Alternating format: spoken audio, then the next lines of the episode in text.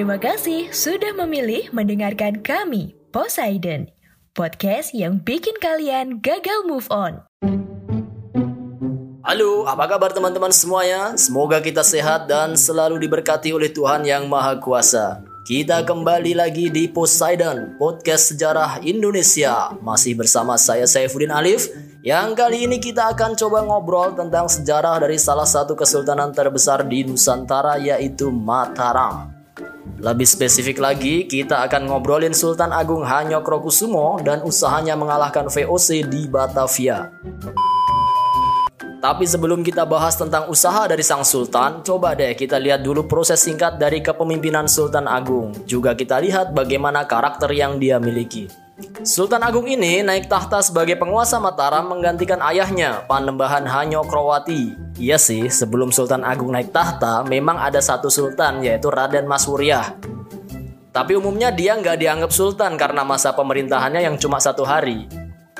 Sultan Agung dikenal sebagai raja yang punya hubungan dekat dengan para ulama.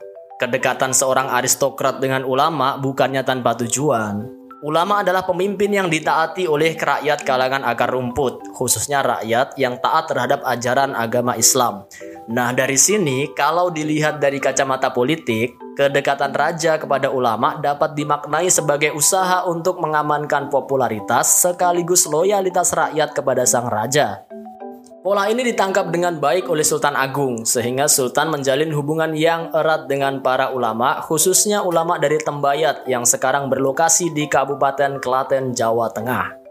Usaha Sultan Agung buat mengamankan popularitas dan loyalitas rakyat bisa juga dikaitkan dengan ambisi sang sultan untuk menguasai Pulau Jawa. Ambisi yang hampir aja berhasil diwujudkan. Cuma ada dua kekuatan yang belum bisa ditaklukkan, yaitu Banten dan Batavia yang ketika itu di bawah kekuasaan VOC. Sultan Agung udah berusaha sebenarnya buat melakukan lobby-lobby politik supaya Banten bersedia tunduk di bawah Mataram, tapi terus ditolak. Cara yang sama juga dilakukan VOC di Batavia, tapi juga ditolak. Tawaran kerjasama juga ditolak oleh keduanya. Jadi Banten menolak diajak menyerang Batavia, VOC juga menolak pas diajak menyerang Banten. Sultan Agung akhirnya memutuskan untuk menyerang VOC terlebih dahulu di Batavia tahun 1628. Serangan Sultan Agung ini nggak main-main ya. Armada laut dan darat dikerahkan buat menggempur Batavia.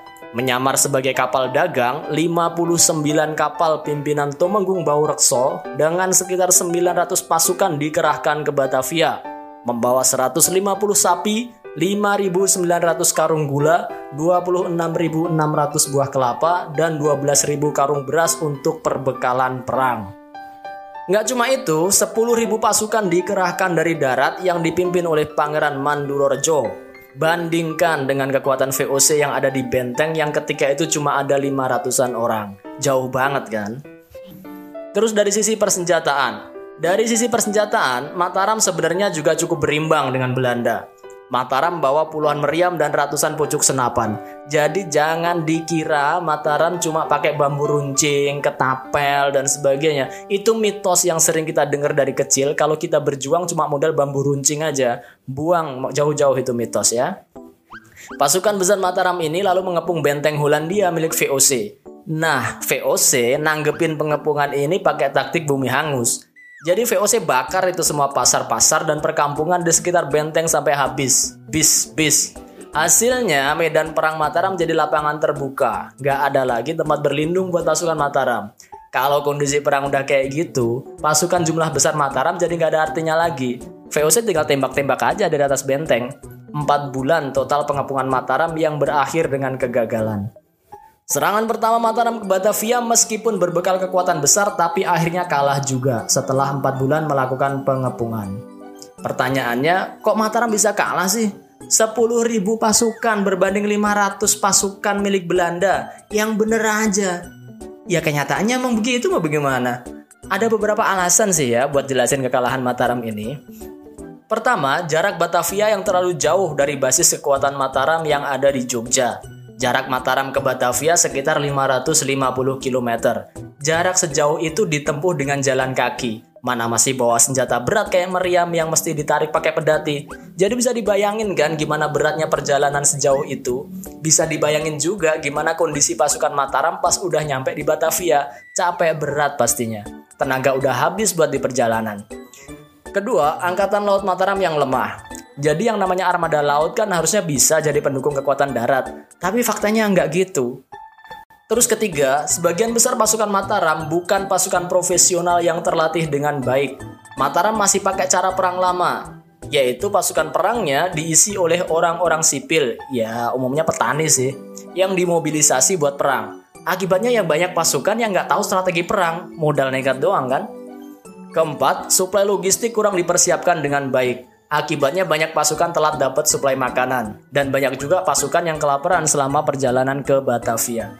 Dari keempat alasan ini, kayaknya alasan keempat yang paling diperhatikan Sultan Agung.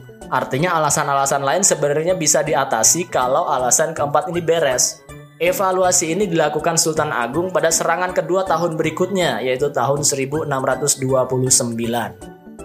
Di serangan kedua ke Batavia, Sultan Agung ngebangun lumbung-lumbung padi di sepanjang rute perjalanan biar pasukan Mataram nggak kekurangan pasokan makanan. Cuman sayangnya ada pihak-pihak yang membocorkan strategi ini ke VOC.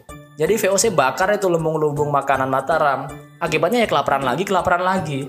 Padahal di serangan kedua ini, Mataram mengerahkan 14.000 pasukan darat dan laut. 4.000 lebih banyak dari serangan yang pertama, tapi tetap aja gagal nembus benteng VOC. Alasan kegagalan sih masih sama kayak serangan pertama tadi, dan selain karena tembakan VOC, pasukan Mataram juga banyak yang gugur gara-gara kelaparan dan penyakit. Ambisi Sultan Agung mengusir VOC dilakukan dengan modal kuantitas pasukan, tidak diimbangi dengan kualitas dan strategi militer yang baik. Bahkan saking kacaunya koordinasi pasukan Mataram, senjata artileri baru datang dan bisa ditembakkan setelah satu bulan pengepungan. Bayangin coba, udah berapa banyak yang tewas dari pasukan Mataram. Eh, artilerinya baru datang. Ini kan fatal. Ya akhirnya kita harus bilang kalau wajar aja Mataram kalah. Cara mainnya gitu. Di serangan kedua ini, Mataram juga nggak cuma pakai senjata konvensional, senjata biologis juga dipakai. Senjata apaan tuh? Jadi Mataram membendung sungai Ciliwung yang punya aliran ke Batavia dan mencemarinya pakai bangkai binatang. Akibatnya wabah penyakit termasuk kolera menyebar itu di Batavia. YP Kun, Gubernur Jenderal VOC ketika itu, akhirnya tewas juga pada tahun 1629 tahun yang sama dengan serangan kedua Mataram. Disebut-sebut dia juga meninggal karena wabah satu ini. Meski udah dua kali gagal, Sultan Agung masih penasaran buat ngalahin VOC di Batavia. Ya wajar sih, masa iya Mataram yang punya wilayah segede itu dari Jawa Timur, Jawa Tengah, sampai sebagian Jawa Barat nggak bisa ngalahin VOC yang cuma punya wilayah kecil di Batavia? Makanya Sultan Agung juga punya rencana buat serangan ketiga. Perencanaannya juga lebih matang sebenarnya petani-petani Mataram dikirim ke Karawang buat ngebuka lahan persawahan. Rencananya Karawang bakal dijadiin basis pasukan gitu. Jadi kalau pengepungan ke Batavia berlangsung berbulan-bulan atau bahkan bertahun-tahun, pasukan Mataram nggak kekurangan makanan karena siap diambilin dari Karawang. Cuma belum sempat serangan ketiga dilakuin, Sultan Agung ngeburu wafat. Akhirnya nggak jadi tuh rencana. VOC bahkan makin lama makin berkuasa aja di Nusantara. Lah, bukannya serangan itu bisa dilanjutin sama anak-anak Sultan Agung yang jadi raja selanjutnya? Nah, ini menariknya di Mataram. Anak Sultan Agung yang bergelar Amangkurat punya karakter yang 180 derajat berbeda dari ayahnya. Kalau ayahnya dekat sama ulama, Amangkurat justru pernah membantai 5000 ulama dan santri karena perbedaan visi dan misi politik.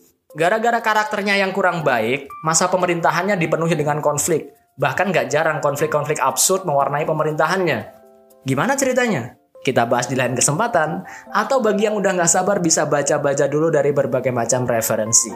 Sampai di sini dulu pembahasan kita tentang Mataram dan Sultan Agung. Sampai berjumpa di lain kesempatan. Jangan lupa untuk selalu menjaga diri dengan 5M, yaitu memakai masker, mencuci tangan dengan sabun dan air mengalir, menjaga jarak, menjauhi kerumunan, serta mengurangi interaksi dan mobilitas. Tetap sehat, tetap semangat di masa pandemi ini supaya kita bisa belajar bersama lagi dalam tema-tema lain yang tidak kalah menarik. Terima kasih sudah mendengarkan podcast Sejarah Indonesia. Saya Saifuddin Alif undur diri. Selamat melanjutkan aktivitas dan sampai jumpa. Terima kasih.